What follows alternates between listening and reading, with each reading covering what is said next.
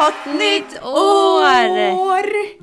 Ja, nu är det årets sista vecka och vi sitter här och ska spela in ett alldeles rykande färskt nyårsspecial. Ja, vi är så himla glada att vara här med er idag igen.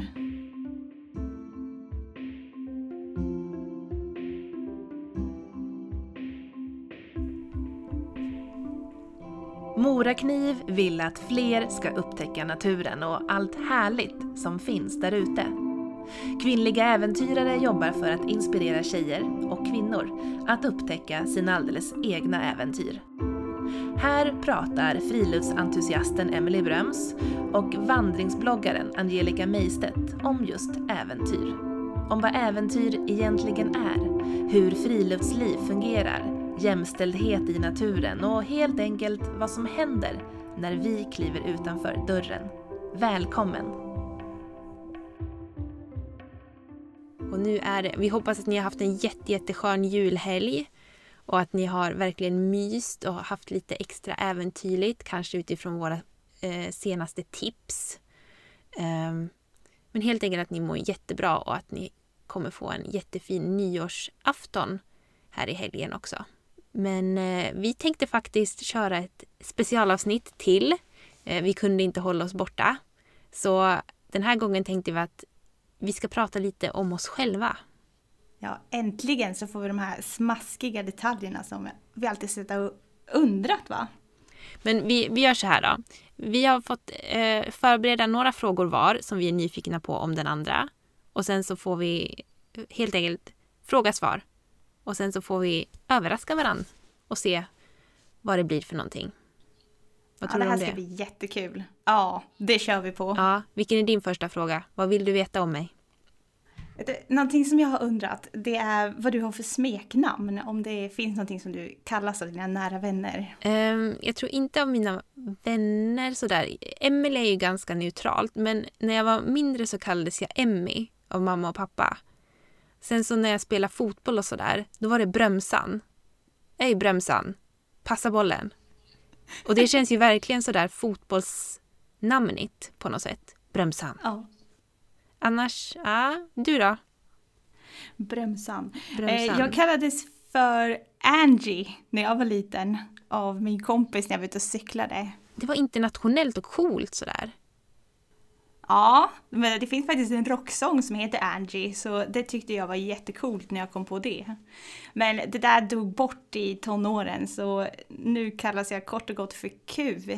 Oftast i så chattkonversationer för jag stavar ju Angelica med Q vilket gör att det är ingen som orkar skriva det. Så då Mm. är det Q, kort och gott. Kul kort och gott. Ja, I like it. Ålder då? Hur gammal är du? Då är frågan hur gammal man känner sig eller hur gammal jag faktiskt är. Ta både och. Men både och. Eh, ibland så kan jag känna mig som 80 år gammal när jag eh, kryper upp i min duxsoffa ute i vardagsrummet med en kopp te och läser böcker. Men annars känner jag mig som 21 när jag alltid ska ut på nästa äventyr. Men egentligen säger jag 30 år på pricken. Mm. Mm. Hur gammal är du? Jag är egentligen 25. Eh, känner mig som... Alltså jag tror jag har fastnat någonstans där vid studenten när man tog examen och var 19. För jag känner mig på något sätt yngre än alla andra. Tills jag märker på min omgivning vad som händer. Som till exempel det här att det är 98-orna som tog studenten i år. De är liksom jättemycket yngre än mig. Mm. Eller bara när folk runt omkring mig börjar få barn och de gifter sig och skaffar hus och hund och allting. Och det känns så långt borta från mig. Ändå så är jag bara, fasen jag är ju lika gammal som dem. Det är inte så att jag känner mig stressad tror jag, men bara det här att det blir ett uppvaknande. Jag tänkte när man ser att ens, ens kompisar skaffar barn och så börjar de bli liksom skrivbordshöga. Ja. Det är då förstår man verkligen att man börjar bli äldre. Mm. Sen så är jag också sådär, mitt favoritprogram är eh, På spåret. Och det är också lite, nej men det är inte pensionärsvarning längre. Alltså det känns som att, det, är inte det lite hipsteraktigt att tycka att På spåret är roligt? Jo, det är det nya coola. Ja. Det är vad jag har hört. Ja, då så. Skulle du säga att du är introvert eller extrovert? Åh, jag är väldigt introvert. Mm. Jag är en sån som fyller på med, eh, ja, med energi när jag är ute i skogen och när jag kan gå tyst länge och bara få landa i känslor och upplevelser. Det är de allra starkaste känslorna för mig. Så jag är en sån här som avskyr när det ringer i telefonen. Jag kan eh, gärna gå flera dagar utan att den ringer alls, om jag får välja. Men har du också sån här telefonskräck? Det kan jag känna att jag har ibland. Alltså jag vet inte vad det är, men jag får som svettningar och bara ett enormt adrenalinpåslag när jag måste prata i telefon. Jag tror att det är någonting att jag inte ser den andra personen. Jag vill kunna läsa av kroppsspråket. Mm. Ja, det är mycket lättare. Och sen eh, vill jag gärna vara förberedd på att det ringer. För oftast om det ringer alldeles oförberett, då måste man eh, lägga allt man håller på med åt sidan. Och så kan det försvinna jättemycket tankar som man ska skriva ner. Och så ska man hoppa rätt in i något annat. Det har jag jättesvårt för. Annars, bara överlag, så är, tror jag att jag är en mer skriftspråkig människa. Det är som skriven svenska är mitt primära språk. Den talade är mitt sekundära. I och för sig hänger det ihop med att jag, jag är också som du väldigt introvert och verkligen tankar energi när jag får vara på egen hand och landa sådär. Jag kan tycka att det är roligt ibland att vara ute på event och sånt där. Men jag blir totalt dränerad efteråt och behöver verkligen gömma mig och Mm. tanka och ladda igen sen. Ja, jag kan behöva vara ledig länge efter event. Men eh, då är vi väldigt lika där. Eh, med skriften som primärspråk. Vem var du i skolan? Om vi går vidare. mm. Och jag hatar uttrycket, men jag var den här typiskt duktiga flickan som hela tiden eh, satt längst fram tänkte jag säga, men det gjorde jag nog inte. Jag var väldigt tyst och fick höra hela tiden att ah, du måste prata lite mer och prata lite högre och ta lite mer plats. Och så här i efterhand kan jag bara bli så himla arg på det, för kunde inte jag bara få vara som jag var? Men eh, väldigt snäll och gjorde det jag skulle. Ehm, jag tror jag hade lätt för mig i skolan. Eh, och samtidigt så var jag en... Jag var inte den här riktigt typiska pluggisen, även fast som sagt det gick nog ganska bra. Men sen socialt så var jag en sån här, jag kan likna det kanske vid en kameleont. Jag kunde förflytta mig ganska bra mellan olika sammanhang och olika kompisar och olika grupper sådär. Utan att riktigt sticka ut någonstans. Och jag gjorde aldrig väldigt mycket väsen av mig. Men som, sa, som sagt, lite för mycket där duktiga flickan och skulle alltid göra lite extra på alla uppgifter. Och jag kan ju bara säga herregud, stackars mina lärare som har fått lov att läsa alla jättelånga uppsatser som jag skulle skriva lite till på bara för att vara på den säkra sidan. Um, men ja, jag var både sportig och pluckis. Ja, lite, lite allt möjligt. Du då? Mm. Nej, men jag känner igen mig jättemycket i det här du berättar. Eh, jag var också den som ehm, som fröknarna ofta sa till att jag skulle ta mer plats.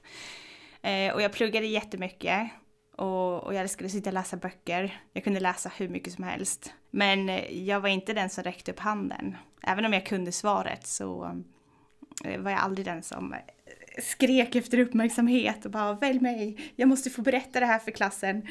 Ehm, men eh, sen var jag också, ja, egentligen så avskydde jag sport när jag gick i skolan. Men eh, när jag var 12 år så började jag med karate, vilket faktiskt gjorde att ja, men jag, det blev min sportkarriär. Eh, och gjorde också att, ja, men, att det var lättare att bli accepterad i klassen för att då hade jag fler gemensamma intressen med de andra. Men de flesta höll ju på med fotboll och såna här saker. Och det var jag inte ett dugg intresserad av. Jag är fotbollsdyslektiker så att ut och ge sig an med dem på rasterna, det var ju inte att tänka på.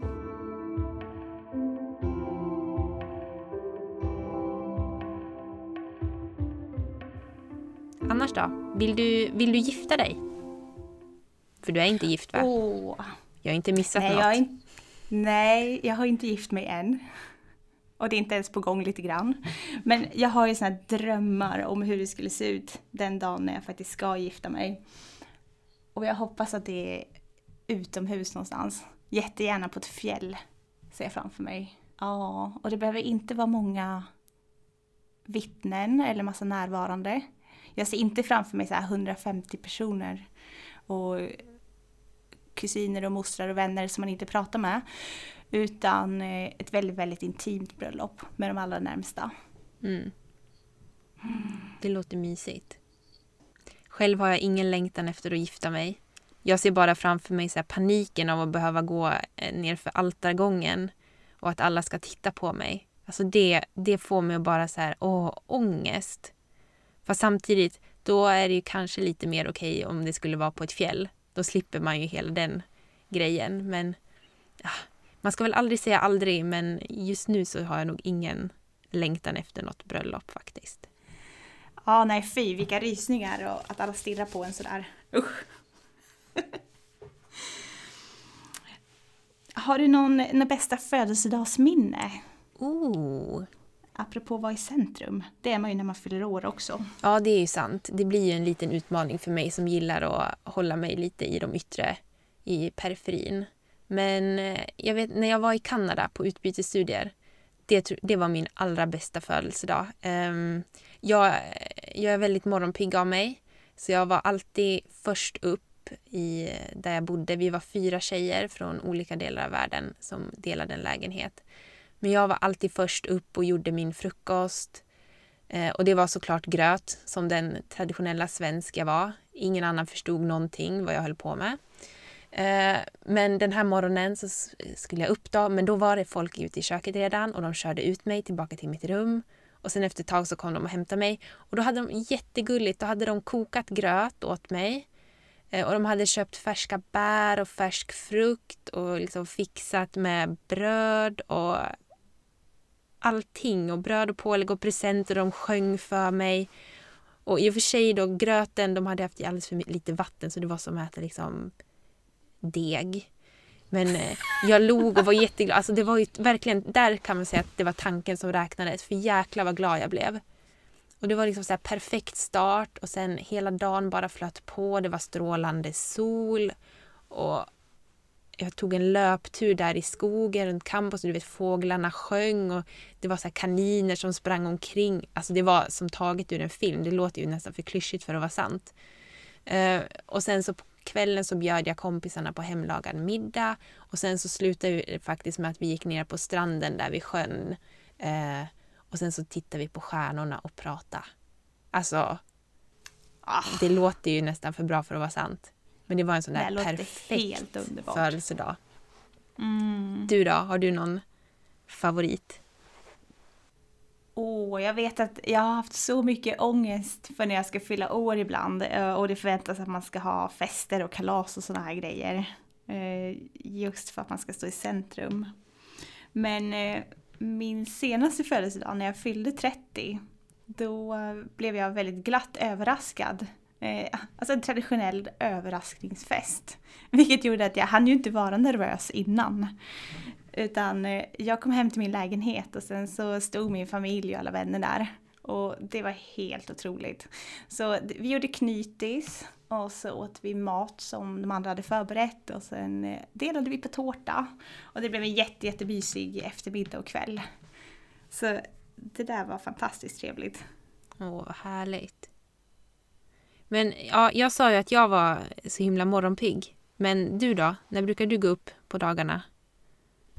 Alltså jag är inte morgonpigg. Så det absolut bästa jag tyckte var med att börja frilansa var ju det här att jag behövde aldrig ställa en klocka igen. Eller ja, såklart behöver jag ställa klocka vissa dagar men inte jämt. Så jag brukar vakna av mig själv någon gång mellan sju och åtta. Och det tycker jag är riktigt, riktigt härligt. Och sen så gå upp och koka kaffe det första jag gör. Det är min så här heliga morgonrutin. Och ibland så gör jag ostsmörgåsar eller så äter jag keso med banan. Det är lite olika vad jag känner för. Det brukar gå i vågor. Jag kör samma frukost i fyra veckor och sen är jag döless på den och så måste jag byta till något annat sen. Men är frukost viktig för dig? Ja, alltså jag kan inte umgås med främmande människor innan jag har ätit frukost och fått i mig kaffe. Okay. Det är en sån här hygienåtgärd. Ja. Som ett filter mellan mig och världen.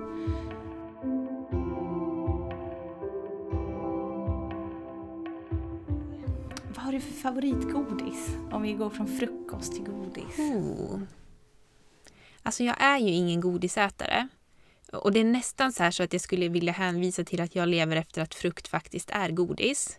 Um, men ja, det kanske var att vara lite för klyschig. Så om jag måste välja något så blir det nog riktigt mörk choklad. Du då? Åh, choklad. Jag älskar ja, den här vanlig mjölkchoklad tycker jag är så himla gott. Mm. Ska det vara Marabou? Nej, det får det absolut inte vara. Jag älskar Faser-chokladen. Den här med blå förpackning och sen har den som ett folie man måste öppna för att komma in i den. Så det känns nästan som en liten ritual. Just för att den har två papper innan man kommer in. Så det brukar jag alltid ha med i vandringsryggsäcken också. Det har räddat många turer kan jag säga. Annars då? Har du någon paradrätt? När vi ändå är inne på ätande. Åh, laga mat. Eh, jag är sån här människa som eh, lagar det mesta på sexans värme eller i mikrovågsugn. jag har så mycket projekt och kreativa idéer i vardagen så det har typ tagit slut när jag kommer till spisen och är jättehungrig. Så det där är någonting jag jobbar på. Men jag har en rätt som jag faktiskt skulle kunna bjuda kungen på som en paradrätt. Och det är ris och korvstroganoff. Ah. Den brukar bli riktigt, riktigt bra. Mm.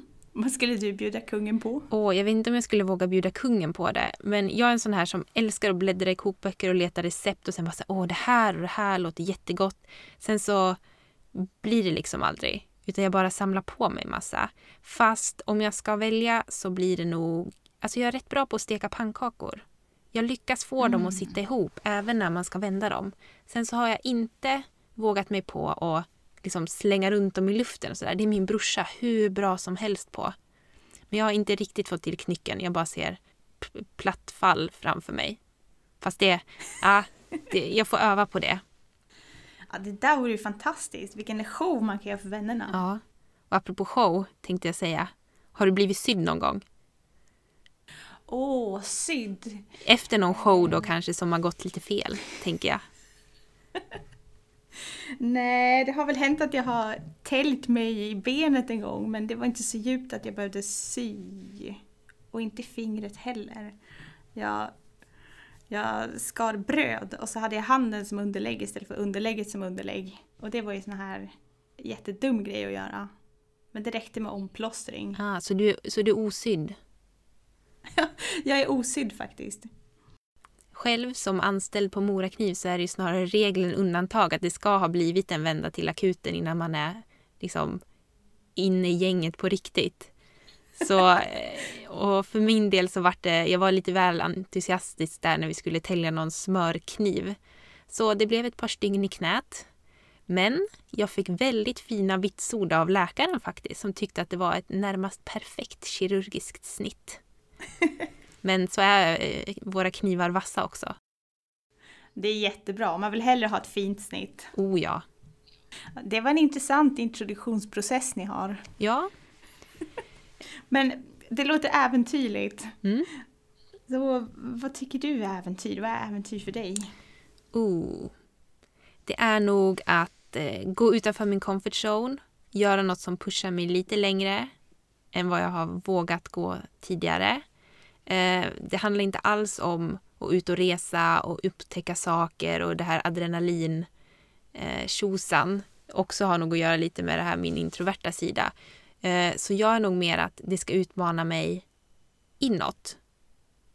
Att jag ska ja, gå utanför min inre comfort zone. Du då? Mm, ja men där håller jag med. Eh, jag tycker de här gångerna när, när man tänker så här och fasiken var läskigt. Men eh, det här har jag aldrig provat men det får lösa sig ändå. Det är de gångerna som jag kan tänka tillbaka och tycka att ja men det här har det verkligen varit då är, det som är äventyr på riktigt.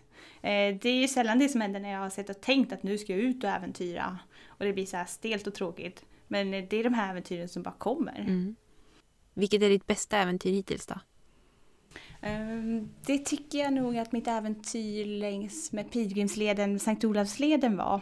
Ehm, för där fick jag faktiskt eh, prova navigera för första gången på egen hand. Ehm, min eh, vandringskamrat skadade sig ganska fort. Och det här var någonting som jag hade varit livrädd för alltså, i jättemånga år, nästan till den här graden att det har blivit ett hinder för mig. Att jag inte har velat gå ut för att jag har inte varit säker på att jag skulle kunna hitta dit jag skulle. Men eh, när jag väl stod där med karta, jag stod där med kompass eh, och varje dag som jag faktiskt tog mig fram till dagens slutmål så växte jag lite grann. Och det var ett otroligt äventyr och en otrolig resa. Och jag kom ut många decimeter längre i slutet av den, Mm. vilket kändes otroligt. Har du någon sån här som du minns tillbaks på? Alltså jag har ju när jag åkte upp ett spår, eh, nio mil på skidor från Sälen till Mora. Och det var så där, det var en så perfekt dag. Eller mer så här, då var jag verkligen stolt över mig själv när jag kom i mål. Och det, känns, det kändes väldigt annorlunda för mig att faktiskt vara så himla stolt och kunna erkänna det också. Att jag faktiskt var stolt över det jag hade gjort. Ehm, sen så var det en väldig berg och dalbana. Man går från jättehöga toppar där man är så här, åh nu känns allting jättebra och det är så positivt till att vara som en urvriden disktrasa. När jag, alltså jag grina flera gånger under den där dagen. Um, men sen så när jag väl kom i mål, alltså känslan då när man svänger in på upploppet och sen så när man har klarat det och får, alltså, ja, det var ett äventyr, verkligen. Och där tror jag också att det handlar lite om det här, både inre och yttre äventyret. För det är ju verkligen en fysisk utmaning att åka alla de där milen. Men samtidigt så alltså det krävs lite pannben också. Och det är jag glad att jag har, för det var aldrig ett alternativ att hoppa av. För jäklar vad envis jag kan vara om jag sätter den sidan till, säger jag bara. Underbart, det går att komma jättelångt med envishet. Det får man vara tacksam för att ha den egenskapen. Ja, men det kanske också är på gott och ont det där med pannben. Ja, ja så kan det vara. Det är också lätt att dra på sig skador när man alltid vill lite mer och lite längre. Om man är sån som springer på utan att känna efter. Där försöker jag träna mycket. Och där blir ju hikefulness jätte, jätteviktigt. Att stanna upp ute på vandringsleden och i livet.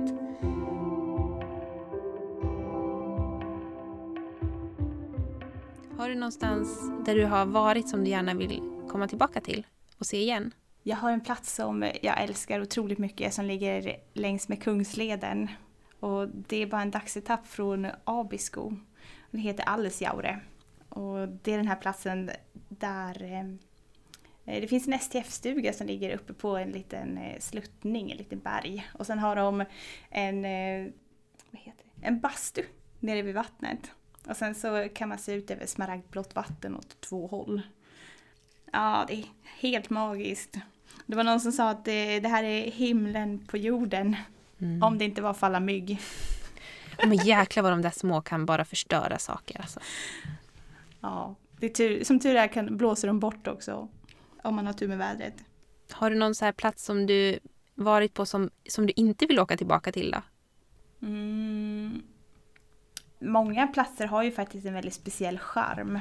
Men eh, enda platsen som jag har varit på och inte vill tillbaks till är eh, ja, men Egypten. Jag var där för jättemånga år sedan. Men eh, det var himla mycket otäckt stirrande blickar när jag var där. Och, så det är enda gången jag har känt att det var riktigt olustigt att resa någonstans. Det var där. Så dit vill jag inte tillbaka. Någon plats som du skulle vilja upptäcka då, där du inte har varit än? Jag vill gärna åka till Nya Zeeland. Det skulle vara jättehäftigt. Och jag har också Island på drömlistan. Och Island är min också. Dit skulle jag jättegärna vilja åka. Har du någonstans du inte vill åka? Um, alltså, jag, har, jag var i Los Angeles och det kände jag, det var inte en stad för mig. Det var alldeles för ytligt och den var för eh, opersonlig på något sätt. Det gick inte riktigt att få grepp om den och man kom aldrig riktigt nära den här... Alltså det var ingen hemtrevlig känsla. Jag är, det, jag är glad att jag har varit där och upplevt den men jag behöver inte komma tillbaka. Jag känner mig färdig med den.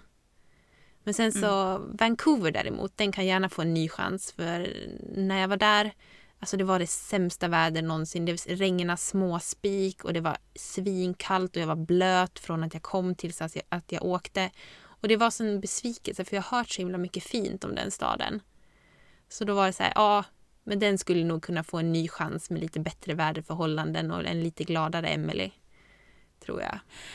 Ja, men vädret kan ju verkligen göra jättestor skillnad för hur man upplever en stad. Ja.